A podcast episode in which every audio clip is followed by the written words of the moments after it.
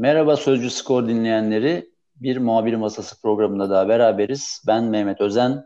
Bugün e, Fenerbahçe Sözcü muhabiri Sercan Hamzoğlu ile beraberiz. Sercan nasılsın? Sağ olun. Siz nasılsınız? İyi misiniz? İyiyim. E, bugün yine konumuz Fenerbahçe. Evet. Hemen hızlıca hiç böyle sağa sola sapmadan başlıyoruz. Başlayalım. Fenerbahçe, Fenerbahçe'de şimdi e, çok konuşuldu. Kötü gidiyor Fenerbahçe. İki sezondur. Artık bununla ilgili yapılmayan bir yorum kalmadı. E, bu nedenlerini sen de kendi hem haber olarak da olsun, yorum olarak da olsun sen de e, paylaşıyorsun. Evet. E, sosyal medyada da oldukça ilgi görüyor ama e, artık bu biraz geride kaldı. Fenerbahçe iki yıl, iki sezondur başarısız bir dönem geçiriyor ama önümüzdeki sezon ne olacak? E, bu yapılan hataları nasıl bir geri dönüş olacak? Nasıl bir planlama var? Geçen programda sen bir futbol aklından bahsetmiştin. Emre Belezoğlu liderliğinde yeni bir yapılanma bekleniyor. Biz de seninle zaten bu programda e, Fenerbahçe yeni neler yapıyor? Çünkü eskilerin ne olduğunu gördük. Eskiler çalışmadı, olmadı. E, Başkan Ali Koç hata yaptığını kabul ediyor, öğrendik diyor. Bu, bunların farkındayız diyor. O yüzden Fenerbahçe artık böyle sıfırdan bir sezon başlatacak. Ee, sana da buradan bir soru soracağım. Evet. Hocası Erol Bulut olacak büyük ihtimalle demiştik geçen programda. Evet. Sen bugün haber yaptın dedin ki Erol Bulut e, Alanya'dan da alacağını kazanacağının altında bir rakama Fenerbahçe'ye gelebileceğini iletti. E, Fenerbahçe'nin de o tarz yani işte 1 milyon euronun altında bir teklifi vardı. Bu iş bitti diyebilir miyiz abi? Bence bitti diyebiliriz. Ee, hani derler ya tatilde dedikodu masalarda muhabbetler güzel olur diye. Şimdi ben de Bodrum'da tatil değilim. Bir oturuyoruz masada. E, telefon çalıyor. Oturduğumuz yerde Erol Bulut. işte bu dostumla beraber sohbet, muhabbet. Telefon kapanıyor. Ondan sonra ne oldu abi dedim. İşte Fenerbahçe işi oldu artık dedi Sercan dedi. Nasıl oldu? İşte konuşmasında yani dedi Alanya'nın bile bana teklif ettiği rakamın altında bir rakam Fenerbahçe teklif etti ki bu mali anlamda da şimdi Fenerbahçe'nin zor bir süreçten geçtiği bir dönemde hı hı. de biz de çok e, parayı e, bu durumda konuşamayacağız e, şeklinde bir konuşması olmuş. Orada da herhalde artık prensip anlaşmaları gerçekleşti. Her şey bitti. E, bu son kupa finalinden sonra muhtemelen Fenerbahçe onu resmi sitede açıklayacaktır. Yani bunun üstünde bir e, şok herhalde artık beklemiyorum. Çünkü gündemde de kimse yok. Hangi yöneticiyle konuşuyorsam hepsi Erol Bulut. Erol Bulut bitti. Erol Bulut bitti diyor. Yani e, bu kadar tesadüf olmaz yani. Dışarıdaki hoca teklifi doğruluyor, rakamı konuşuyor. İçerideki yöneticiye soruyorum. Evet Erol Bulut bitti diyor. Yani artık buradan sonra olağanüstü bir e, bir şey olması lazım ki Erol Bulut'un Fenerbahçe'ye hoca olmaması için. Kendisine hayırlı olsun diyorum.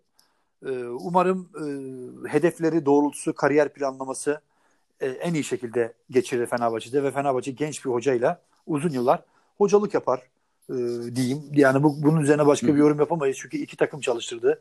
E, iki takım çalıştırmak Fenerbahçe'yi çalıştırmakla aynı mı? Kesinlikle değil. Bu onun için bir şans da olacak, bir e, dezavantaj da olacak. Çünkü şöyle bugün e, Erol Bulut'un yani kredisi diğer hocalar ile aynı e, seviyede değil. Erol Bulut ne olursa olsun genç ve şu an e, yükselmeye aday bir hoca durumunda. Evet. Şimdi iki tane mağlubiyet, iki tane beraberlik. Fenerbahçe'de bir hani geçen yayında da söyledim. Bir Ersun Yanal, bir Aykut Kocaman e, toleransı kendisine e, tanınacağını hiç düşünmüyorum. O yüzden hı hı. ateşten gömlekle Fenerbahçe'de kariyeri ya çok iyi bir yere gelecek ya da çok kısa bir sürede sürebilir Erol Bulut'un Fenerbahçe'de kariyeri. Yani çok %50-50 şu an benim kafamda Erol Bulut. Ya şöyle bir avantajı var Fenerbahçe'de belki tersten bakarsak. Fenerbahçe'de Hiddink de gelse 3 e, ay içinde gönderilebiliyor. Yani orada Tabii. ya Fenerbahçe ateşten gömlek hani Aykut Kocaman Ersun Yanal için de öyleydi. Çok evet, haklısın. Evet. Yani. Ee, Erol Erol Bulut'un tabii ki daha e, yani deneyim olarak bu isimlerden geride olmasından ötürü soru işaretleri, eleştiriler bir tık daha fazla olabilir ama e, günün sonunda şu ana kadarki CV'si, şu ana kadar gösterdiği e, teknik direktörlük yeterliliği pozitif görünüyor.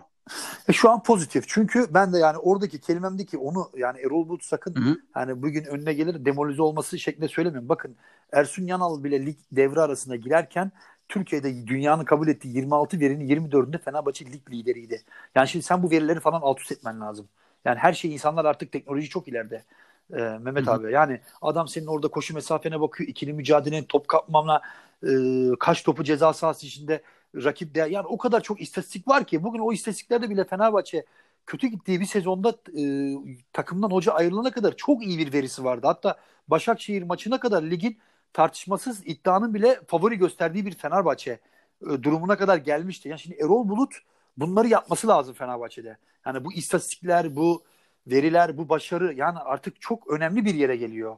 Yani kendisi Tabii en önemli e, Tabii buyur. Sercan en, en önemli istatistik tabii ki galibiyet. Galibiyet tabii.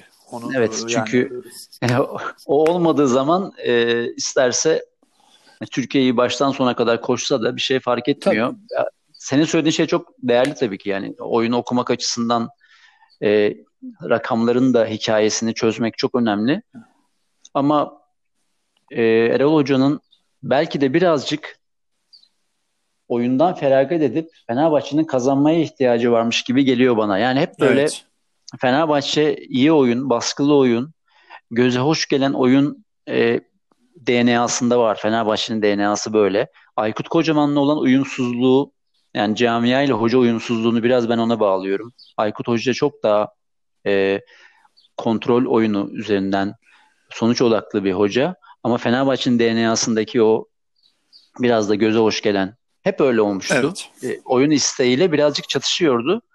Ersun Ersun Yanal'ın anlayışı birazcık daha e, buna yakındı. E, şimdi benim görüşüm Fenerbahçe'nin yani bu bütün DNA'sını değiştirsin demiyorum ama Fenerbahçe'nin kazanmaya ihtiyacı var. var. Önce önce kazanmaya ihtiyacı varmış gibi geliyor. Evet, evet. Şimdi sana başka bir şey soracağım buradan yola çıkarak. Buyurun. Şimdi yeni yeni diğer bir haberin vardı bugün. Bir transfer haberi. Mert Hakan. Mert, Mert Hakan'ın alacağı ücrete kadar artık ortada. Ee, onun da yakın bir zamanda büyük ihtimalle TFF limitleriyle beraber falan açıklanması beklenir. Burada Mert Hakan'ın yanı sıra e, başka hangi oyuncular bu şekilde listede açıklanması bekleniyor veya görüşülüyor? Senin istihbaratların nasıl konu? Yani o Mert Hakan'a şöyle olayın başından e, girelim. Tabii. Gene bir sohbette Mert Hakan'ın e, Kayseri'de imzaya atıldığı sohbeti esnasında dedim neden Kayseri Hı. dedim yani. E, bir Kayseri'de buluşan Sivas'ta olan bir oyuncuyu neden Kayseri'ye getirdiniz dedim. Ya Sercan dedi biraz dedi e, Sivas'tan uzaklaşmak gerekiyordu dedi ve e, onu Kayseri'de bir otele getirdiler işte 5 yıldızlı bir otelde. Hatta hı hı. E, Kemal Danabaş, e, Selahattin Baki ikisi de gitmek istedi imza törenine. Yani orada bir forma ve imza. Hatta ufak çaplı da bir krizde oldu diyebilirim yani. Yani iki, iki e, yönetici de o imzada olmak istedi. Ama Sayın Başkan Kemal Danabaş'ı görevlendirdi Emre Belezoğlu'nun yanında.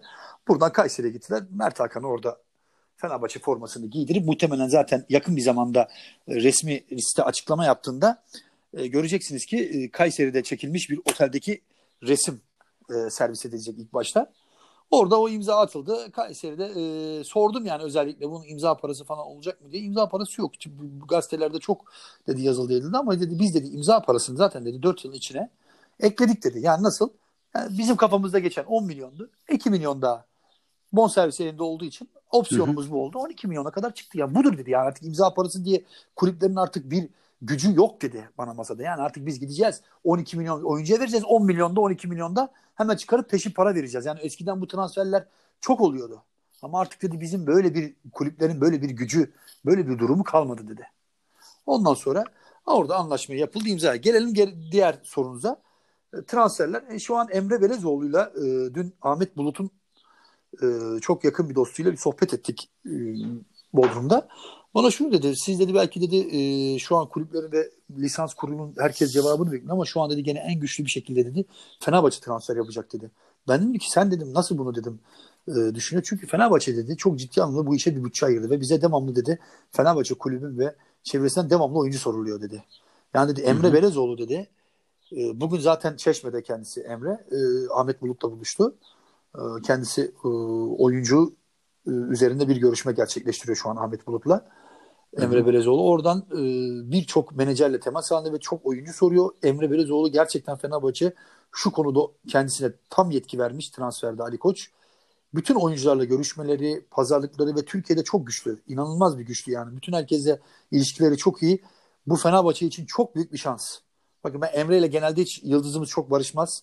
Bir türlü e, biz onunla bir yani bir yerde bir istediğimiz şeyi yakalayamadık Emre ile ama olur. Bugün olmaz yarın olur. Bir şekilde e, Fenerbahçe'nin önce menfaatleri ama Emre Belezoğlu çok önemli işler yapıyor Türkiye'de. E, yavaş yavaş artık oturmaya başladı. Gökhan olsun, Caner olsun, Novak olsun. Bunlarla yani e, transferleri bitirmek kolay değil. Yani Emre bunların neredeyse e, sadece e, resmi TFF'ye gönderilecek resmi imzalar dışında ben bunun üçüyle de prensip anlaşmasına vardığını öğrendim. E, tabii hı hı. E, yine de tabii son ana kadar imza atılmadan ben kesin bitti diyemiyorum. Ama prensip anlaşmasına vardığını kendisini bizzat bir menajer arkadaş da ve onların en yakın dostları ve yöneticiler de dahil olmak üzere bir iki tanesi anlaştığını söyledi bana. E, tabii e, yine diyorum son ana kadar imzayı e, görmemiz gerekiyor. Emre şimdi yurt dışından iki tane üç tane oyuncuyla Ahmet Bulut üzerinden görüşmeler bugün gerçekleştiriyor. Fenerbahçe transfere çok ciddi bir şekilde ve önem veriyor. Çünkü Ali Koç da biliyorsunuz artık yani gelecek sene Fenerbahçe camiasında ve taraftarının karşısında artık kongre şampiyon çıkmak istiyor. Ve Fenerbahçe bu sene gerçekten sağlam adımlarla e, bir yol haritası çizmiş durumda. Ee, öbür tarafta da tabii şimdi buradan döner mi diye bir şaka yapacağım sana da. Tabii bana yapıyorlar onu. Buradan senin döner en sevdiğin en senin en sevdiğin şaka en sevdiğin şaka. Ya buradan şimdi döner mi ya buradan? Yani ben şimdi bir şey soracağım ya. ya Ersun Hoca gidiyor buradan Sırbistan'a. Kolorov'u çağırıyor. Kolorov'la oturuyorlar. Abisi efendime söyleyeyim Mirsat da var herhalde masada. Orada oturuyorlar bir yemek yiyorlar. Sohbet, muhabbet. 3 artı 1 yıllık anlaşmaya varılıyor. El sıkışılıyor. Kolarov hatta hocaya sarılıyor. Senin diyor beni bu kadar istemen diyor bana bu kadar değer vermen diyor. Beni üzerime bir takım kurman diyor. Beni başlı başına diyor. Çok heyecanlandırdı diyor.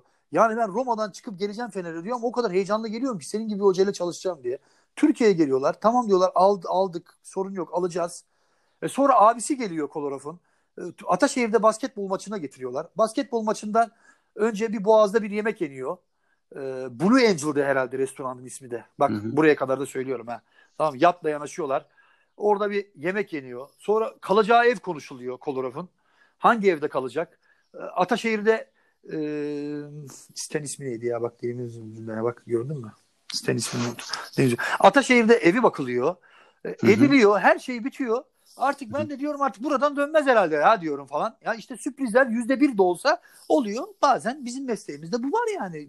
Yani millet kızıyor ama makale yapıyor. ne yapayım yani? Ya bu kadar da size de bilgi verme. Türkiye'de size ilk Kolorov'u yazdığımda hanginiz Kolorov'un ismini biliyordu? E Kolorov'u biz yüz kere gazeteler, basın herkes yazdı. Bir gün resmiste yalanladı mı Kolorov'u? Çünkü görüşüldü.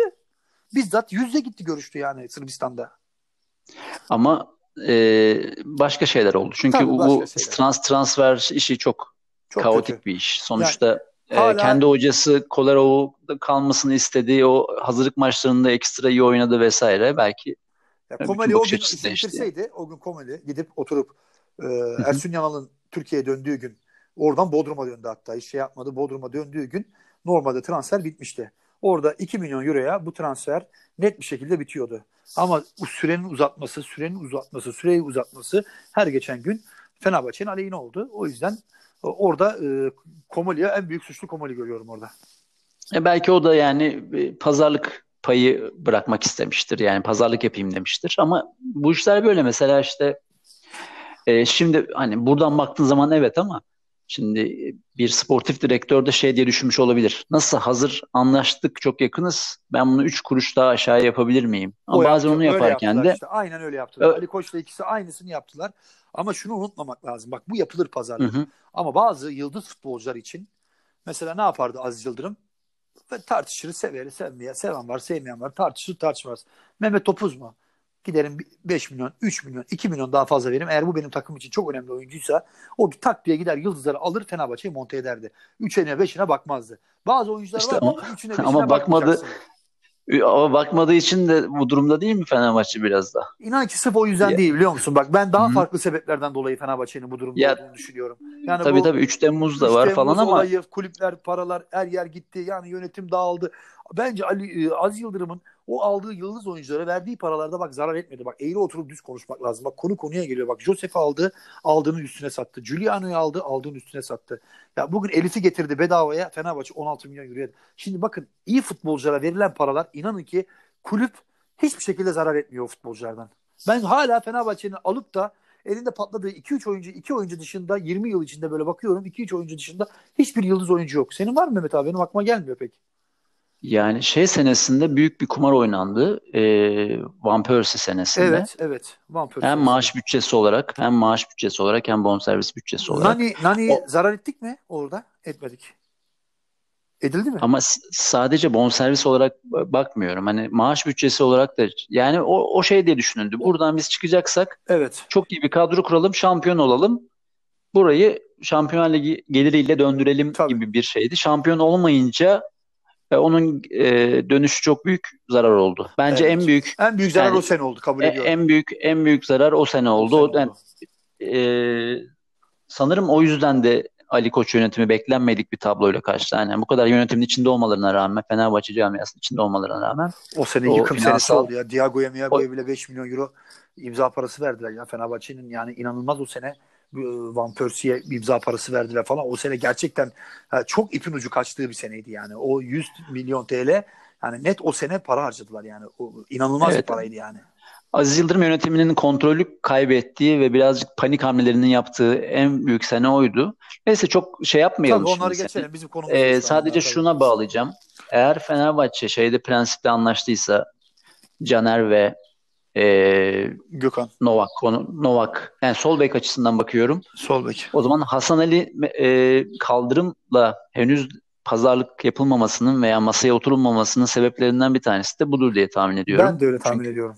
Aynı fikirdeyim. Hı-hı. Yani yoksa Fenerbahçe şimdi Hasan Ali Kaldırım'ın bir e, performans yapısı var. Yani Hasan Ali Kaldırım Fenerbahçe'de hani derler çok mu yıldız, çok mu iyi bir oyuncu değil. Çok mu kötü? Evet çok da kötü de değil. Hani baktığın zaman milli takım sol bekinde bile çok maça çıkan bir oyuncu.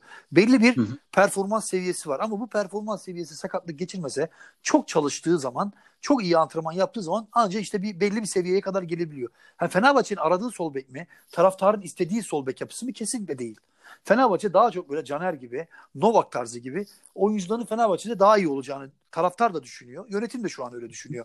Yani muhtemelen ikisinden birinden bir aksilik çıkarsa Can, e, Hasan'ı Hasan'ı son ana kadar böyle tutmak istiyorlar ama gördüğüm kadarıyla ki aksilik de çıkmayacak gibi duruyor. E, Caner'le e, Novak'ta Fenerbahçe imza atarsa artık Hasan Ali ile devam etmezler. E, Hasan Ali'nin de sanırım ilk 11 oyuncusu gibi bir sözleşme beklentisi ol, var. E, oradan da belki bir e, fikir uyuşmazlığı olabilir. Çünkü Fenerbahçe her ihtimalde Hasan Ali kadroda tutsa bile e, ilk 11 oyuncusu olarak düşünüldüğünü zannetmiyorum. Ben de zannetmiyorum. Mümkün değil. Yani, yani zaten hadi kaldığını varsayalım. Caner kalsın, Novak olsun. Hı-hı. Hadi Hasan da kalsın. Hadi yedek. O, o yani alternatifli çok iyi bir kadro kurulmayı Hı-hı. düşünsünler. Caner'i sol açığa koyarım. Novak'ı geriye evet. koyarım. Novak'ı geriye koyarım. Novak cezalı sakat veya birinin cezalı sakat olduğu maçta Hasan'ı koyarım e, gibilerinden belki bir düşünceye girerler ama yani o kadarına da e, düşünürler mi? Ben şu an için düşünmüyorum. Düşündüklerini de sanmıyorum. E, bence zaten Hasan Ali ile devam etselerdi bugüne kadar kendisiyle imza atılırdı. Yani demek ki düşünülmemiş yani. Son ana kadar sen burada Dirar'la Ozan'la sözleşme yaptığın gün e, Hasan mı da yapardın? Baktığın zaman yani bugüne kadar yapılmadıysa aynı sizin de düşündüğün, senin de düşündüğün gibi benim de düşündüğüm gibi demek ki kadroda düşünmüyorlar. Peki başka bir şey sorayım yine bağlantılı sana. Ee, şimdi bütün kulüplerin bir sıkıntısı var. O da şu ki pandemi döneminde maaşların ödenmesine sıkıntılar oluyor. Hatta ödenmiyor, ödenmemiş olduklarını da biliyoruz. Büyük oranda. Sadece Fenerbahçe değil, Beşiktaş değil. Ee, bir sürü kulüp böyle. Yani sonuçta yayıncı kuruluştan para gelmedi. E, tribünden gelir gelmedi. Kulüplerde sıcak para yok. O yüzden de maaşlar aksadı. Yani pandemi öncesinde bile aksıyordu ki şimdi aksıyor olması da beklenebilir bir şey. Evet.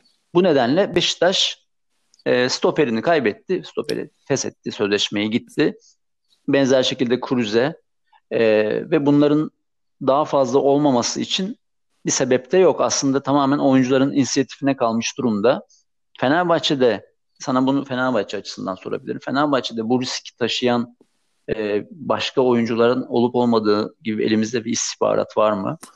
E, veya e, maaş indirimleri konusunda yönetimle oyuncular arasında bir diyalog e, varsa da nasıl gidiyor? Bir Gustavo meselesi çok konuşuldu. Gustavo Fenerbahçe'nin önümüzdeki yıl yapılanmasında çok çekirdek insanlardan bir tanesi olacak gibi duruyor. E, sendeki bilgiler nasıl? E, şöyle bendeki bilgiler e, Emre Belezoğlu Başkan Ali Koç'la bu konuyla alakalı tüm kadronun maaş ve önlerinde listeyle beraber oturdular. Bir toplantı hı hı. yaptılar. E, genel olarak e, istenen rakam %15 e, indirim futbolcularda. Yani önce genel bir kanı %15'ti ve bu futbolcuların e, şöyle diyeyim üçte ikisini hemen hemen %15'e yakın bir indirimi kabul etti.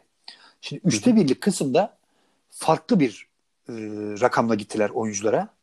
Daha ee, yüksek. Daha yüksek rakamlarla gittiler. Size şu kadarını söyleyeyim. Bir futbolcudan %50 indirim istediler. Ve çok büyük kriz çıktı Samandıra'da. Bir oyuncudan hı. %30 istediler.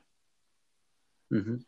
Ee, birkaç oyuncudan daha istediklerini öğrendim ama e, şu an bu isimleri verip de e, medyada ve taraftarın ve kimseye zor durumda bırakmak istemiyorum ama takımda en az Hı. 4 tane yakın oyuncudan farklı farklı indirim istedi. Hele %50 istenen oyuncu tamamen kazan kaldırıp bir tartışma yaşandı. Ne diyorsunuz dedi siz ya. Ne %50'si demiş. Beni gönderin demiş. Beni Almanya'dan 3 kulüp istiyor demiş. Ben Almanya'ya gitmek istiyorum o zaman demiş. Ben ayrılmak istiyorum. Öbürü demiş ben bunu kabul etmiyorum. Kesinlikle kabul etmiyorum demiş. Yani burada biraz e, Samandıra'da takım içinde biraz huzursuzluklar olmuş. Hatta bir Hı-hı. oyuncu ben daha yani kontratımı yeni yaptım. Ben niye daha bu kadar indiriyorum? Ben daha kontratımdan para almadım. Bir daha mı indirime gideceğim? Gibilerinden yani mutsuz olanlar var. Ha, bazı oyuncular da iyi normal alanlar yüzde on beş. E, tamam demişler yüzde on beş. Yani bu pandemi sürecinde biz de kulübe e, sorun çıkarmayalım diyen de oldu ama bu dünyadaki her kulüpte var yani her bu kulüpte var, her kulüpte yani. Var. Ama tabii yüzde otuzla yüzde elli arası istenenler ciddi anlamda bir Emre ile e, sıkıntıya düşmüşler. Ya tabii Emre Belezoğlu da haliyle Hı-hı. yönetimin teklifiyle geliyor aşağı. O da sonuçta orada aracı. Baktığın zaman sportif direktör ama e, hala bir oyuncu. E, orada kendisi görüşmeleri gerçekleştiriyor ama e, tabii kabul etmiyorlar. Bu ister istemez takım içinde bu da bir huzursuzluk sebebi. Yani bir oyuncu maça nasıl konsantre olacak? Maç esnasında işte e, eve gidiyor, geliyor. Kulüp içinde huzursuzluk yani oyuncular yani iyi iyi yönetilmesi gerekiyor artık bu Samandıra'nın. Ne olursa olsun Hı. bir an önce artık bu oyuncu indirimleri, pandemi süreci evet bu sene çok kötü zamanlar geçirdi Fenerbahçe camiası, taraftarı. indirimler birine 15, birine 30 diyorsun, birine 50 diyorsun ama bunlar hepsi arkadaş. Yani biz nasıl oluyorsak bir şirkette çalışıyorsak e, yeri geliyor hep beraber kahve iniyoruz. Sen onunla öbürüyle konuşuyorsun. Ben öbürüyle konuşuyorum. Sana ne dedi şirket müdürü? Bunu dedi. Bana ne dedi? İşte şunu dedi. Şöyle oldu. Yani şimdi bunun yayılmama gibi şansı yok Samandıra'da. Herkes birbirini bilir. Yani şimdi orada oyuncularla teke tek yapılan toplantılarda herkes birbirine soruyor. Sana ne kadar teklif edildi? Bana ne kadar teklif edildi? Herkes birbirini biliyor. Yani bu da ister istemez e, orada bir huzursuzluk yaratıyor. Ve bu huzursuzluk ciddi anlamda Samandıra'ya yansıdı ki ve sonda da en son Dirar'la falan bir biliyorsun Emre Belezoğlu'nun kavgası oldu, tartışması oldu. Saha Hı-hı. içinde. Yani bunlar yalan değil. Ben net söyleyeyim yani size. Ha, bu yalan değil. Hatta Dirar sonra geldi tüm takım e, takımda ve Emre de hep beraber olduğu yerde tüm takım arkadaşlarından özür diledi. Belki bu bir yerde yazılmamıştır ben söyleyeyim ama e, Dirar'ın net e, özür dilediğini biliyorum. Ama ya o, tartışma oldu ama o o sözler anladığım kadarıyla şimdi, birazcık şimdi olmadı. Emre'nin yani. sözlerine karşılık ama Dirar da aynı cevabı veriyor. Şimdi burada tek Hı. taraflı değil. Şimdi Emre oradan belki küfürlü bir ağzından bir küfür çıkmış olabilir ki ben hepimiz de yaşıyoruz. Bu takım içidir ya. Burada omuz omuza bir küfür, birbirine küfürleşirler, birbirine Hayır, bir kavga tane çok, ederler. Çok abartı böyle bütün takıma bir küfür falan filan hani Fenerbahçe'nin yalanladığı oydu ya. O, o onun o hiç gerçekçi gelmedi. Hiç değil değil. Gerçekçi yani şu değil. da gerçekçi gelmedi. Arkadaşlar e, Dirar'cığım birazcık daha dikkat eder misin falan gibi bir şey dememiştir tabii ki Dememiş. Emre Belezoğlu. Demez Emre. Ama ama e, yani o basında çıkan ifadeyi de bütün takıma dönüp falan o da hiç gerçekçi gelmedi zaten. E, Fenerbahçe'de onu bakın, yalanlamış bakın, oldu. Ben size söyleyeyim Emre Belözoğlu öyle falan alttan alan falan Hı-hı. değil. Öyle direkt hakkında bile bir şey yazıldığı zaman edildiği zaman direkt e, sinirlenebilen, deva, direkt cevap verebilen yapısı öyle bir yapısı var. Yani Emre Belezoğlu'nun bir kere öfke kontrolü Hı. her zaman her yerde tutamadığı, yapamadığı bir şey öfke kontrolü. Daha böyle sağlıklı o an e, ha, kalbi temiz midir, iyi bir insan mıdır? Hep herkes iyi bir insan benim onunla böyle bir oturmuşluğum, kapmışlığım, yemişliğim, içmişliğim hani yok. Ama e, iyi bir insan olduğunu e, söyleyen de çok. Yani bir şey de diyemem ama Emre Belezoğlu gidecek yani. Birine diyecek ya canım falan. Öyle bir şey yok. Öyle, orada tartışmışlar. Emre'ye küfür etmiştir. Karşılıklı böyle kapışmışlardır. Ondan sonra ayrılmışlar. Yani kapışma da tabii darbeli değil. Sözlü. Ondan sonra Hı hı. görüşmüş e, takım içi arkadaşlar falan. Sonra Emre ile beraber kol kola geldiler sahaya. Dönmüş Emre'ye kusura bakma özür dilerim demiş. O da çünkü şunu de, şundan dolayı özür demiş. O şunu, burada yetkili. Yani Emre Belözoğlu bu kulübün yetkilisi. Yani artık bir oyuncu olarak görme. Görme göremezsiniz demişler yani yöneticiler. Artık bu kulüpte bizden sonraki tek yetkili kişi Emre Belezoğlu. Bundan sonraki hayatınızı Emre Belezoğlu üzerinden devam edeceksiniz demişler. Öyle dedikten Keşke bu sonra- açıklamayı keşke bu açıklamayı daha önce yapsalarmış da bu insanlar resmi- birbirine girmeseymiş yani. Yönetimin en büyük yanlışlarından biri. Sen bu- resmi olarak bunu açıklasa resmi sitede. Onlar da işte sezon sonunu bekliyorlar resmi sitede açıklamak Hayır için. resmi açıklamasa bile sen takıma bunu deklare et. Biz Tabii. bunu şu an açıklayamıyoruz arkadaşlar ama e, Kaptan Emre'nin şeyleri yetkileri artmıştır.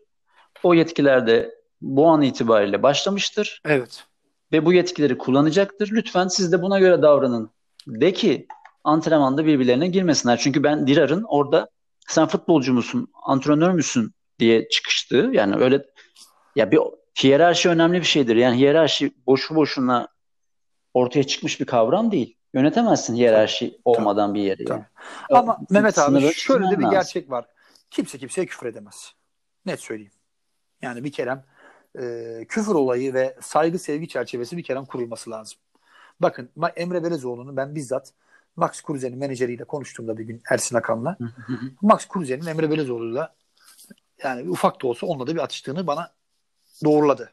Şimdi baktığın zaman e, Emre Belezoğlu muhakkak ve muhakkak artık yeni model, yeni bir e, vizyon, yeni bir kafa yapısıyla artık Fenerbahçe'de göreve başlaması lazım. Yani tamam artık futbolculuk döneminde hırslıydın.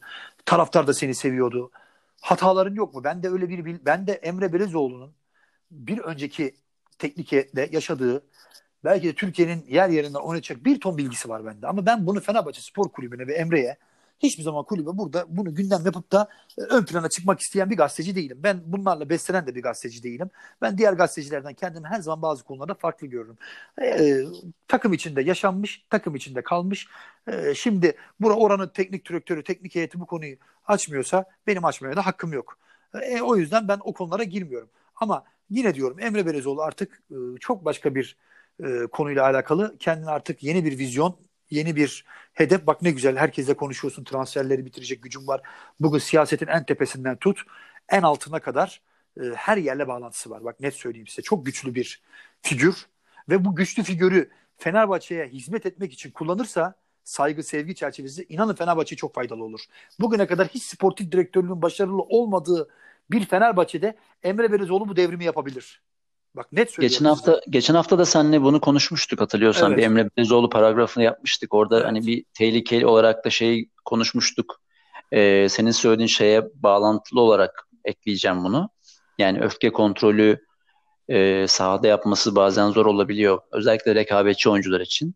Yani e, nabız 200 basarken bu kadar rekabetçi oyuncuların öfkelenmesini başka bir konuyken kenarda daha e, nabız normalken, yüzlerdeyken e, öfke kontrolünü yapmadığınızda başka bir gerekçeniz de kalmıyor.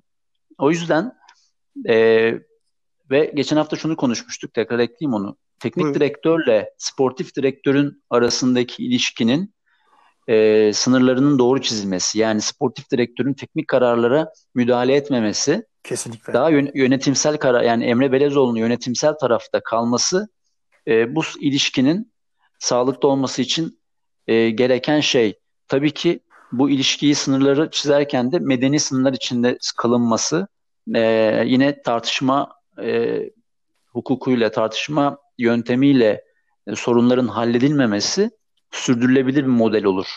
Yani şunu Örnek demeye vereyim mi? çalışıyorum. Örnek vereyim mi?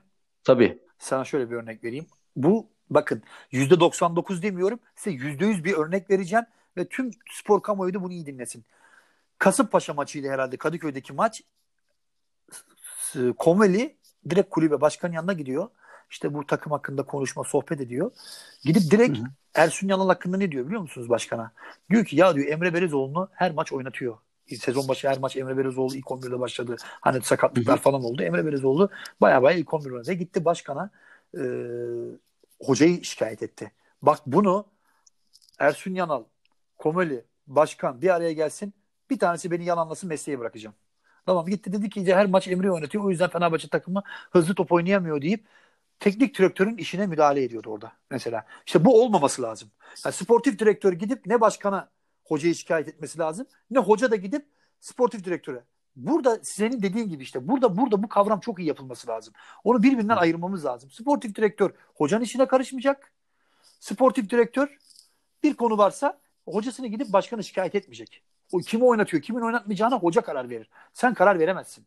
Yani resmen gidiyorsun orada Ersun Yanal'ın oynattığı takımın futbolunda hocaya takımı kaptanı şikayet ediyorsun. E şimdi burada nasıl sağlık? Bunu da Ersun Yanal duyuyor. Öğreniyor. Başkan buna söylüyor işte e, Komali de benimle aynı şeyi düşünüyor. Senin her gün her maç Emre'yi oynatman e, doğru değil. Sanki biz onu yedek diye almıştık. E, takıma abilik yapacaktı ama her maç e, o da çok, çok iyi oynuyor diyor. Şu ara formda. E, yani ben diyor bir teknik direktör olarak ben ayağıma kurşun sıkar mıyım diyor. Şu an ben verilere baktığım zaman Emre şu an takımı yönlendiren sezon başında formu yerinde e, sakatlarım da var. Yani sağ bekim sakatlandı, sol bekim sakatlandı. Yani baktığım zaman Rodriguez sakat, Moses sakat. Yani ben diyor bir şekilde diyor oyuncumdan faydalanıyorum diyor. İyi bakalım sezon başı Emre için neler yazılıyordu. İlk, ilk, sonradan düştü, sakatlandı. Performansı tabii 10 maçtan sonra, 20 maçtan sonra. E tabii kolay değil. 40 yaşında bir adamın e, performansını her maç aynı gitmesi mümkün değil. Ya şimdi düşün böyle bir şikayetler oluyor. Bak aklıma geliyor bazı şeyler e, konu konuyu açınca. E bu doğru mu e, sence Aykut, Mehmet abi? Şimdi Aykut Kocaman'la Daum döneminde biliyoruz. Evet.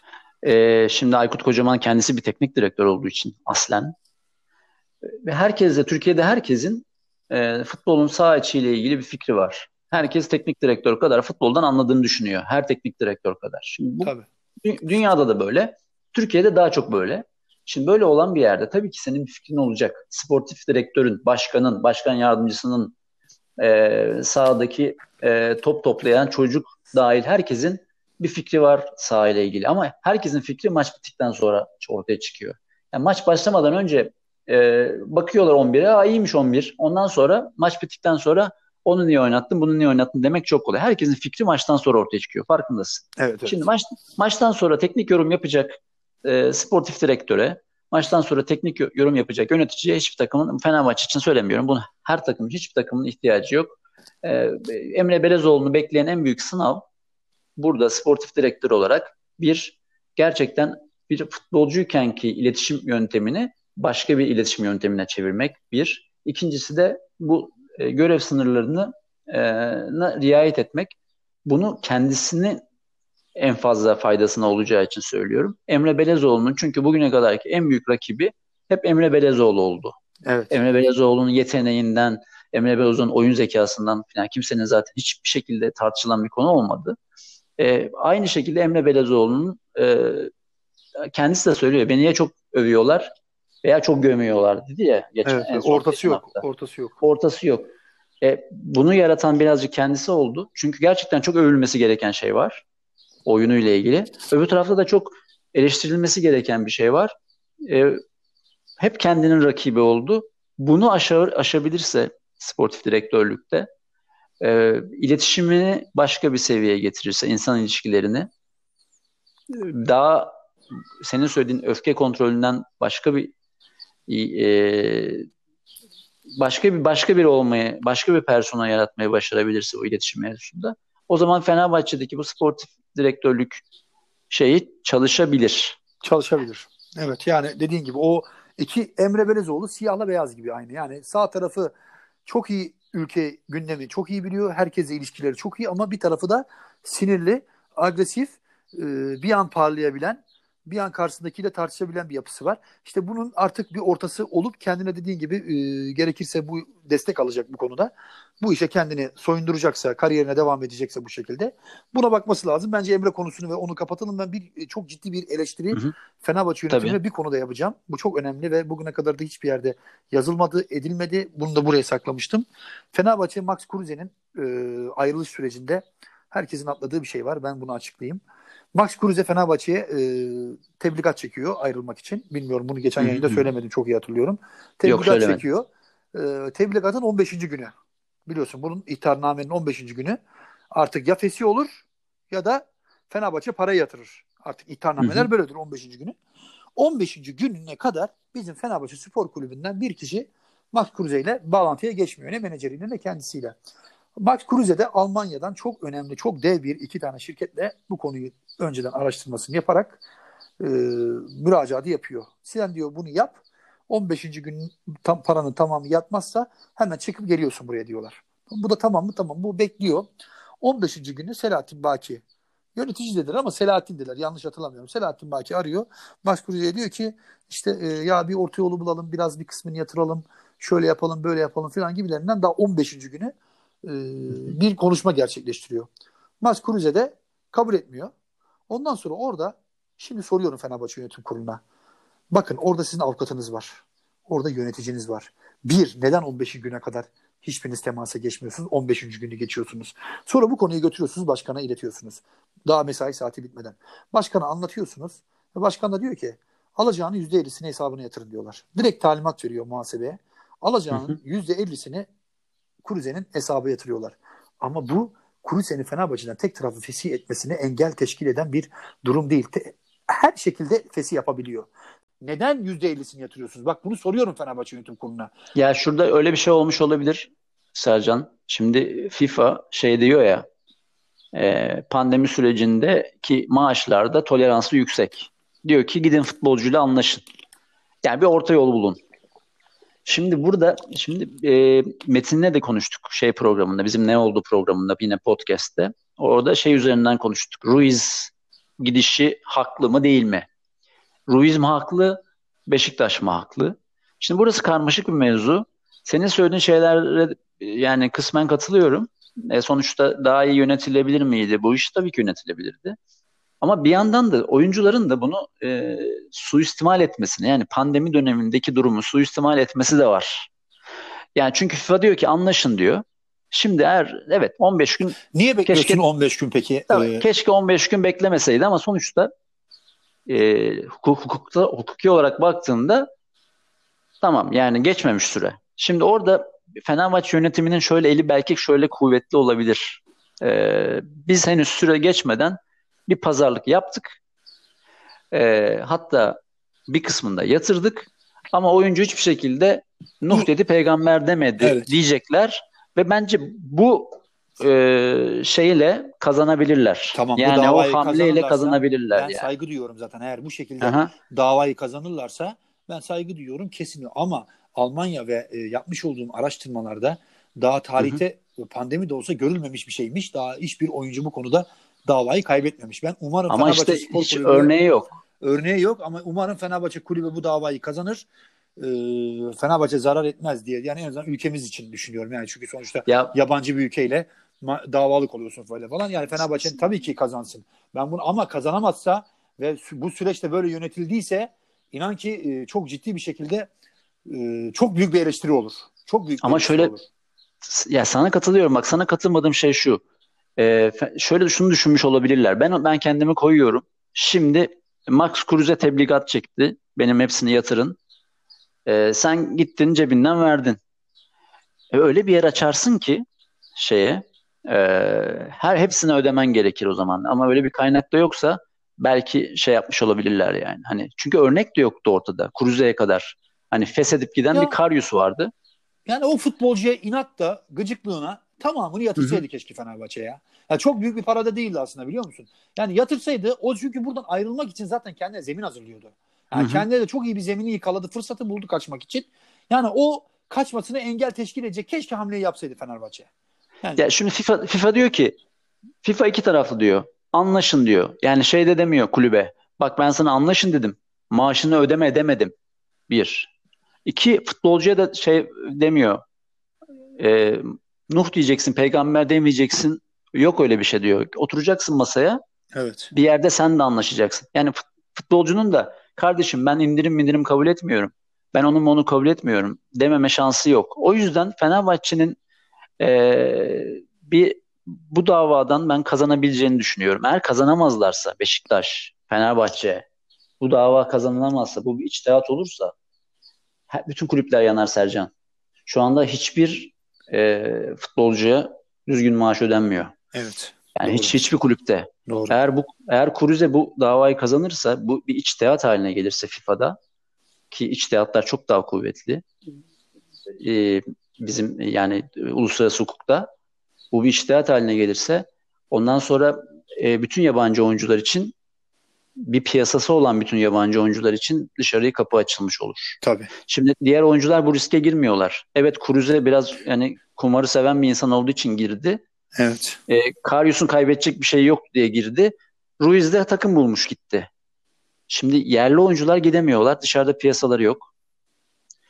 E, ve içerideki piyasaya hoş görünmek istiyorlar. Yabancı sınırı geldi. Buradaki piyasa şeyleri yükselecek. Bekliyorlar yurt içinde kalmaya. Ama her yabancı oyuncu gidebilir. E, çok içeriden güzel bir anekdot verdin bize. Soru süreçle ilgili hiç bilmediğimiz şeyler duymuş olduk. E, o evet o, istihbaratın o istihbarat tebrik çok ederim. güzel bir istihbarat gerçekten. Ama e, sonuç ne olacak ben de merakla bekliyorum. Yani şey şey konusunda e, emin değilim. Yani e, o süreç nasıl yönetilir? Ka- çünkü e, bazen de futbolcuya dik durmak gerekebilir. Yani dik durmazsan yoksa e, ondan sonra hiçbir önünü alamazsın. Ya benim işte Ha, bunu- orada aslında daha çok tabii ki ben bu Hı hı. dava süreç tabii ki biz bunu zaman gösterecek. Ben Zaman seni gayet gösterecek iyi evet. anladım ama. Fenerbahçe'de artık daha biraz daha e, yöneticilerin ve bu işlere bakan insanların biraz daha bu işi ciddi ve daha önemli bakmaları Hı hı. gerekiyor. Yani 15 günlük süre ve %50 yatırıma inan ki e, Tabii tabii bu 15 benim- yani ilk yok yani ilk günden ilk günden ilk günden İlk günden yapılsa git. belki daha daha ba- başka Çözülürdü. bir çözüm Çözülürdü. olur. Yani oyuncular- evet. oyuncularla da biraz daha birilerinin gerçekten futbol şube sorumlusu yok. Yani aslında Selahattin Baki'ye sorduğumuz zaman ya ben diyor hiçbir zaman bizde diyor şu futbol şube sorumlusu bizde her zaman başkana bağlıdır dedi futbol şube sorumlusu. Biz dedi onun e, yanındakiler kulübün işte Samandıra'yla görevli yöneticileriz diyor ama diyor futbol Peki sana bir çok şey soracağım abi. Efendim. Sana bir şey soracağım. Şimdi sportif direktör var. Bir de futbol şubesi sorumlusu var. Bu iki pozisyon birbirinden nasıl ayrılacak Fenerbahçe'de? Bence Bana şu bunlar- an öyle bir şey yok. Öyle bir şey yok. Yalanlıyor kulüp.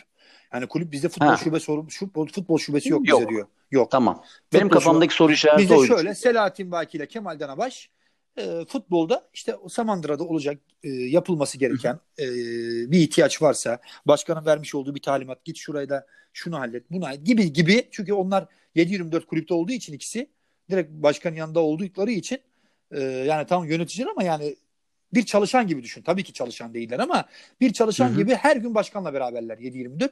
Başkan on, e, o yüzden onlar Samandıra'dan görevliler. Bir takım gidişinden, gelişinden, her şeyinden Aha. görevli e, Kemal Bey. Selahattin Bey de orada başkanın orada e, işlerini yapan, e, ne derse talimatlarını yerine getiren bir yönetici.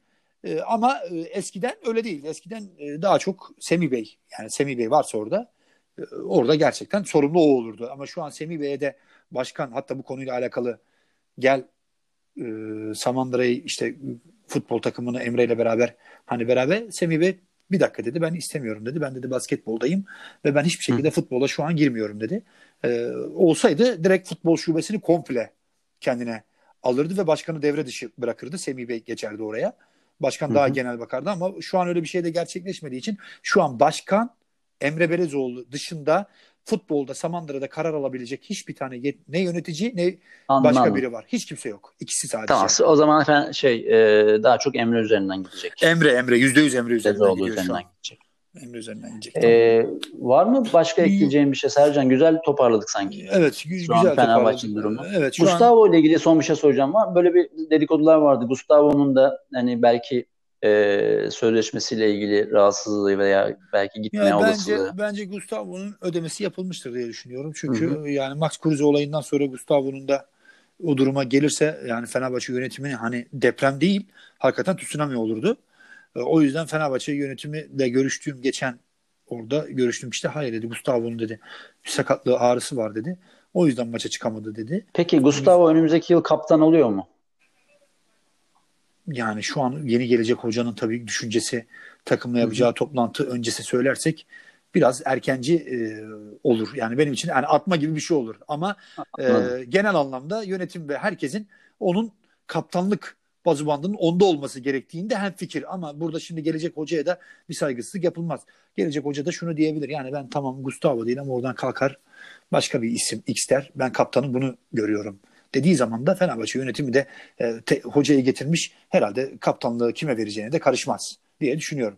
Ben ama %99 Gustavo'ya verirler diye düşünüyorum. Gustavo'yu herkes şu an benimsiyor yani. Yönetimden, taraftarından, takım içindeki insanlara Gustavo'nun bir kaptan. Yaş itibariyle, tecrübe itibariyle, hırsıyla. Oyuna bakışı. Oyuna bakışı çok başka bir bakış. O yüzden e, Gustavo olacağını düşünüyorum. Ha, Gustavo'yu da bir konuda da bir yerde de bir yerde kızdım. Niye kızdım? Gençler bir maçında stoper mevkinde oynamak istemiyorum dedi. Yani e, orada işte Jason'a gittiler. Jason'a dediler ki işte sen oyna. Gustavo oynamıyor dedikleri zaman zaten Jason e, bitmiş vaziyette sahaya çıktı. Yani bitik. Yani ben dedi düşünülmüyorum demek ki ben burada 22-23 maça çıktım. Çok iyi de maçlar düşündüm. Gustavo oynamayacağım dediği için bana stoperde bugün görev verdiler demesi oyuncuyu çıkarırken sahaya kaybettik. İşte Gustavo ben stoper oynamam, oynamak istemiyorum demesi falan. İşte bunlar e, işte diyorum ya Fenerbahçe'nin belki de bir üçüncülük şansı varsa e, daha iyi yönetilip bu üçüncülük şansı oluşturabilirdi. İşte bir kulübün bu kadar hocasız devam etmesi gerçekten kabul edilebilir bir şey değil. Fenerbahçe hı hı. bakın Rize hocası gidiyor bir hafta sonra bir hoca getiriyor tık diye e, küme düşeceği maçı kazanarak kümede kalma olayını neredeyse rahatlıyor. E, oradan Beşiktaş hocasını gönderiyor bir hafta sonra Sergen Yalçın açıklıyor. Bugün Sergen Yalçın Beşiktaş'ı Avrupa'ya götürüyor. Yani Fenerbahçe'de şimdi gene en başa sarmayayım çok da ama gerçekten çok ama çok kötü yönetildi. Çok kötü yönetildi. Yani bunun aslında orada Ali Koç değil de yemin ederim başka bir isim olsaydı o kulübü taşlarlardı. Bak net söylüyorum. Taşlarlardı. Ne orada başkan kalırdı ne kimse kalırdı. E, net kabul etmezlerdi bunu. Ama Fenerbahçe taraftarı yani bunu, bunu sineye çekti. şey olarak mecazi olarak mecazi. söylüyoruz tabii. tabii mecazi tabii. Ha, tabii canım mecazi kalkıp yani lafla kalkıp eline taşla gidecek halleri yok yani. Hani bu mecazi anlamda derler ya. Çok ağır eleştirilen. yani, yani yok. çok ağır eleştirilirdi. Ve zor, çok evet tabii ki Koç Ali Koç'un çok fazla kredi krediyle başladı. Çok. O kredinin büyük bölümü erozyona uğradı. Kendisi bitti, de bitti. farkındadır. Kredi bitti. O da o da farkındadır. Bak ee, net söylüyorum manşetlere girsin. Ali Koç'un kredisi bitti. Net söylüyorum. Ama şu bitti. da var. Sonuçta bu bir ben her zaman böyle düşünüyorum. Bu bir oyun. Ee, bu günün sonunda oyun, evet, yarış yani taraftarlar için çok önemli bir oyun. Ee, hayatın bir parçası. E, bizim de işimizin bir parçası. Biz de buradan şey yapıyoruz. Tabii. E, kendimizi geçindiriyoruz, ailemizi Tabii. geçindiriyoruz. Tabii. Ama hepsinin sonunda bu bir oyun. Oyun. Ee, Ali Koç başkan oldu. İlk iki yılında başarısız oldu. Bundan sonra çok başarılı olabilir. Bundan sonra çok başarısız olmaya devam edebilir ve bayrağı başka birine devreder. Ee, bunları da artık daha doğal karşılayalım. Ee, bir sonraki şeyde önümüzdeki yılda bakalım e, Başakşehir çok kuvvetli gelecek diye düşünüyorum ben artık. Trabzon da aynı şekilde. Trabzon ee, çok kuvvetli. Yani Trabzon bir şey kaybetmedi. Oyuncularını kaybetmese hı hı. E, yetiştirdiği oyuncular, alttan çıkardığı oyuncular ben hala gelecek sene bile. Şu an şu Fenerbahçe'de büyük resmi görmedik ne oldu ne bitti. Hı hı. Bunu ama şu anki gördüğüm büyük resimde Başakşehir'le Trabzonspor aynı bu seneki gibi bir ikinin en büyük favorisi. Beş, Valla bence Bence Başakşehir e, hepsinden bir iki adım önde olacak. Çünkü şöyle düşün. E, çok iyi bir iskelet var zaten. Çok iyi bir para geliri olacak. E, inanılmaz bir Şampiyonlar Ligi geliri. E şimdi evet, Euro, Euro İrfan'ı, üzerinden alınan İrfan'ı da bir... sattılar. Siz öyle görün. İrfan da satıldığı gibi görün siz. En az bir Cengiz'den para geliyor. Zaten Cengiz'den borcu, geliyor. Oho, zaten 15. borcu olmayan bir kulüp. E, ama zaten içerideki yani şey oturmuş durumda, teknik kadro oturmuş durumda. Evet. Kadron iskeleti oturmuş durumda. Kalecisi çok iyi. Bak e, doğru yapı biliyor musunuz? Bak doğru yapı nasıl 4 senenin 5 senenin sonunda hem iyi bir iskelet hem iyi bir bütçe hem şampiyonluk işte bu. Yani olay bu. Bir de yani taraftar olmaması bu. taraftar olmaması avantajını çok acayip iyi kullandılar. Yani hiçbir baskı yok üstlerinde. Başarı baskısı yoktu. Sadece kendi hedeflerle şey yaptılar. Ama büyük risk dört büyük için Başakşehir. Çünkü Başakşehir bir yıl daha şampiyon olursa ve bir yıl daha Şampiyonlar Ligi'nin tek gelirini tek başına alırsa Geçmiş bu kadronun olsun. üzerine e, hanedan yani o çok kırması çok zor bir şeye girer. Kesinlikle. E, başarı döngüsüne girerler. E, bu, bu yıl e, kıt kaynaklardan çok iyi takımlar yaratarak Başakşehir'in önüne geçmek e, zorunda. Bir sonraki Tabii. sene geçmek çok daha zor olacak. Kesinlikle. Fener, Galatasaray çok finansal olarak zor durumda. Beşiktaş çok zor durumda. İkisi, Fenerbahçe çok ikisi, zor durumda. İkisi çok kötü. Ben gelecek sene buradan yani tabii bizi genellikle Galatasaray Beşiktaşlar çok dinlemez ama net söylüyorum. Galatasaray Beşiktaş e, gelecek sene e, çok çok kötü bir sezon geçireceğini düşünüyorum ben. Yine Fenerbahçe Ali Koç Kongre işte bir takım paralar harcayacak hazırlıklar yapıyor çünkü artık 3. senenin sonunda e, da sıfır kupayla ayrılmak istemiyor Fenerbahçe'den. Ciddi bir çalışma içinde e, Fenerbahçe'nin bir nebze olsun şansının olduğunu düşünüyorum. Ama ben Galatasaray Beşiktaş'ın bu mali yapıda bu çok zor işlerinin olduğunu düşünüyorum. Hiç yani başarılı olamazlar. Ve inşallah Ali Koç bu yapacağı hamlelerle biraz da zihniyetindeki e, iki yılda yapmış olduğu tüm hatalar o zihniyetini de değiştirerek etrafındaki sağındaki solundaki işte yöneticileri, dostları, arkadaşları yeni yapacağı yapılanmada falan hı. daha farklı bir insanları kucaklayıp yetkilendirilip kendisi de artık e, her şeyin içinde kendisi değil de artık altındaki yöneticilerin de artık tam yetkili kararlar alıyor olabilmesi e, zeminini oluşturması lazım. Eğer bunu oluşturamazsa Ali Koç'un belki seçime gireceği üçüncü dönemde yanında dostu bile kalmayabilir. Bak net söylüyorum size. Bak ben bunu öyle laf olsun diye söylemiyorum. Ben net bildiğim bir şeyi söylüyorum burada. Yani bildiğim ve konuştuğum ve herkesin söylediği bir şeyi söylüyorum. Bak herkesin. E, bu işler böyle değil mi zaten Sercan? İşler iyi giderken e, çok olur destek veren ama işler kötü gittiğinde e, yalnız kalabilirsin. Dediğimiz gibi bu oyunun kurallarından bir tanesi. E, evet. Yaşayıp göreceğiz. Tamam. Fenerbahçe'nin e, son olarak bu limit meselesiyle ilgili kulağına gelen bir durum var mı federasyon? Hala bekliyor. Kulüpler de bekliyor. Herkes bekliyor. Hı hı. Bu Temmuz'un sonuna doğru açıklayacağını söylediler bir sorduğum kişiye. Oradan e, Temmuz'un sonunda tüm kulüplerin limitleri belli olacak. İşte orada asıl kıyamet orada kopacak. Eğer Fenerbahçe, Galatasaray, Beşiktaş nasıl bir limit belirlenecek, nasıl yapılacak? Orada Fenerbahçe biliyorsun Nihat Özdemir'le falan inanılmaz bir derecede e, gerginlik var ve e, birbirlerine adeta ateş püskürüyorlar. Hani burada işi kişilere mi vuracaklar, adaletli mi davranacaklar birbirlerine karşı? Bunu da gerçekten merakla bekliyorum.